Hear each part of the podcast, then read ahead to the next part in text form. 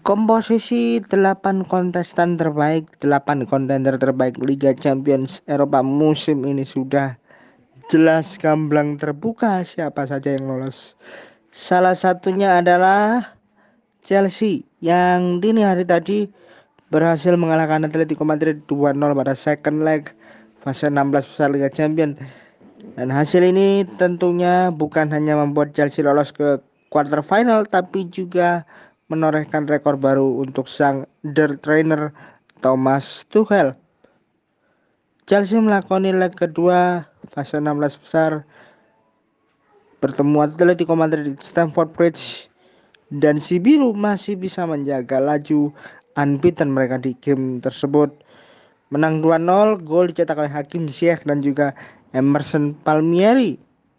Dan dan si biru lolos ke quarter final dengan agregat 3-0 setelah leg pertama mereka menang 0-1 ketika bermain di Arena Nasional Bukares, Rumania. Sorotan tentunya tertuju pada Thomas Tuchel yang masih bisa menjaga status unbeaten Chelsea sejak pertama kali dia datang menggantikan Frank Lampard. Manajer 47 tahun itu sudah melewatkan 13 game tanpa kalah. Posisi ini jauh lebih baik ketimbang hasil yang pernah diraih oleh Maurizio Sarri dan juga Louis Felipe Solari yang cuma bisa meraih total 12 game unbeaten. Selain rekor belum terkalahkan tersebut, Thomas Tuchel juga membuat Chelsea sangat tangguh dalam segi defensif. Total mereka sudah mencetak 15 gol dan hanya kebobolan dua kali atau sudah 11 kali menuntaskan laga dengan status clean sheet. Keberhasilan Chelsea maju ke quarter final ada tiga wakil jadinya. Setelah sebelumnya Liverpool dan Manchester City advances terlebih dahulu. Kalau kita buka lebih lebar bagaimana statistik Thomas Tuchel di sepanjang karirnya sebagai the trainer. Pria 47 tahun ini mengawali karir kepelatihan di FC Augsburg 2 pada Juli 2007 melakoni 34 game meraih 20 kemenangan 8 kali seri 6 kali kalah dengan presentasi kemenangan 82% di awal karirnya. Lalu ketika berada di Mainz 05 memang presentasenya sangat kecil. 72 kemenangan 46 kali seri dan kalah 64 kali. Presentasi kemenangannya hanya 39,56 persen ketika Tuchel berada di Mainz 05 tapi yang cukup mengesankan adalah di 182 game yang sudah dijalani Tuchel dari 3 Agustus 2009 sampai 11 Mei 2014 tercatat Mainz 05 sudah mencetak 248 gol ketika itu. Walaupun lini belakangnya juga sangat-sangat kropos. Minus 40 gol difference mereka karena menderita 288 kali kebobolan dan catatan itu sedikit diperbaiki ketika Tuchel menangani Borussia Dortmund dan juga Paris Saint-Germain. Di Dortmund 108 game yang dia jalani meraih 68 kemenangan, 23 kali seri dan 17 kali kalah. Di sini jumlah kebobolan yang diderita oleh Borussia Dortmund di era Thomas Tuchel adalah 113 kali jauh lebih rendah dibandingkan sebelumnya di Mainz. Memang secara quality jauh komposisi tim antara Mainz dengan Borussia Dortmund.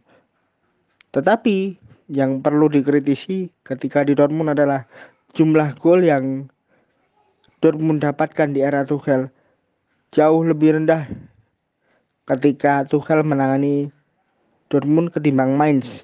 Kalau di Mainz jumlah gol yang didapat adalah 248 sepanjang 182 game. Untuk di Dortmund, Tuchel dan timnya hanya mampu mencetak 245 saja.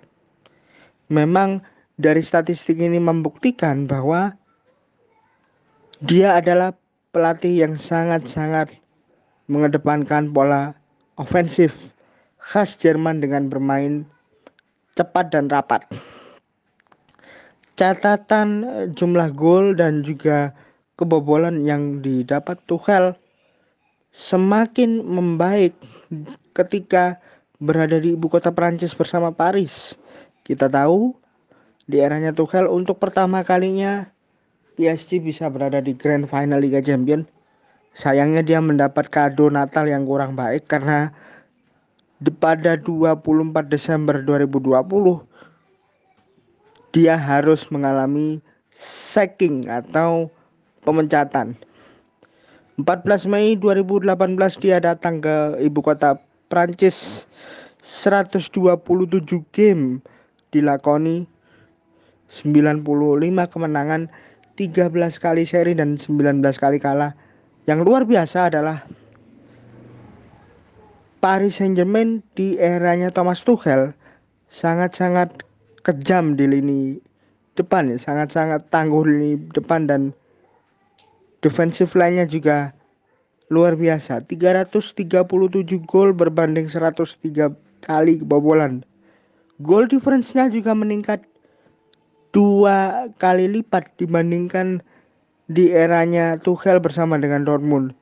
Kalau di Dortmund Goal difference-nya mencapai plus 132 dalam 108 game. Kalau di Paris Saint-Germain, dia sudah mencatatkan goal difference 234 plus 234 dan presentase kemenangannya juga cukup tinggi 74,80 persen. Ini adalah presentase kemenangan terbaik sepanjang karir dari Thomas Tuchel. Bagaimana dengan Chelsea? Seperti yang tadi sudah saya sampaikan, 9 kali menang, 4 kali seri, mencetak 15 gol, 11 kali clean sheet dan hanya dua kali kebobolan. Goal difference-nya memang masih 13 plus 13. Tapi coba lihat presentase kemenangannya, 69,23 persen. Presentase kemenangan ini lebih baik ya, lebih baik dibandingkan dengan beberapa pelatih Chelsea sebelumnya yang sudah melakoni lebih dari 20 game atau untuk fase yang long term. Untuk example saja sebagai contoh saja di eranya Mauricio Sarri di eranya Mauricio Sarri presentase kemenangannya hanya 62 persen. Rinciannya 63 game bersama Chelsea, 39 kemenangan, 13 kali seri, 11 kali kalah, 112 kali mencetak gol dan 58 kebobolan. Bahkan kalau mundur ke belakang masih di eranya orang Italia ada Antonio Conte Antonio Conte meraih presentase kemenangan 65%, masih kalah dibandingkan dengan seorang Thomas Tuchel. Thomas Tuchel sudah meraih 69,23% dan ini masih bisa bertambah mengingat pola permainannya yang masih terus dipertahankan dan dia mencoba untuk memperbaiki pola defensif. Memang selama ini resiko yang dia harus terima adalah ketika bermain defensif dia harus merapatkan lini belakang. Tapi juga terkadang dia membuat variasi dengan pola pakem pattern 433 yang selalu dia kembangkan sejak di era Paris Saint-Germain dan itu berbuah hal yang positif karena jumlah golnya bisa selalu di atas 100 gol. Apakah dia mampu mengembangkannya lagi mengingat ada kontrak satu setengah tahun di Chelsea kita akan tunggu bagaimana performa Thomas Tuchel the trainer Chelsea. Demikian shortan hari ini. Sebelum Nomo menutup materi kali ini special thanks to Koni Jawa Timur, Asprof Jawa Timur, Mitra Wonokoyo Residence, Asifa Football Academy, lalu ada PT Big Berhasil Indonesia Gemilang, PSP Lindo 3, Wombing Resto di kawasan Jiwok, Gahanas Anar Majelis Ulama Indonesia Jawa Timur, kemudian ada YNR Creative Management, lalu ada www.imscctv.com ada di Jalan Mulyasari Prima 1 lalu ada Depot Online Amiati yang ada di kawasan PPLG Depot online Amiati spesialis masakan khas Aceh. Lalu ada Rizky Komputer di Jalan Kalimantan 121 GKB Gresik. Ownernya di sana. Mas Ridwan Ber. Lalu ada Mas Afif Digat salah satu agen properti ternama di Sidoarjo.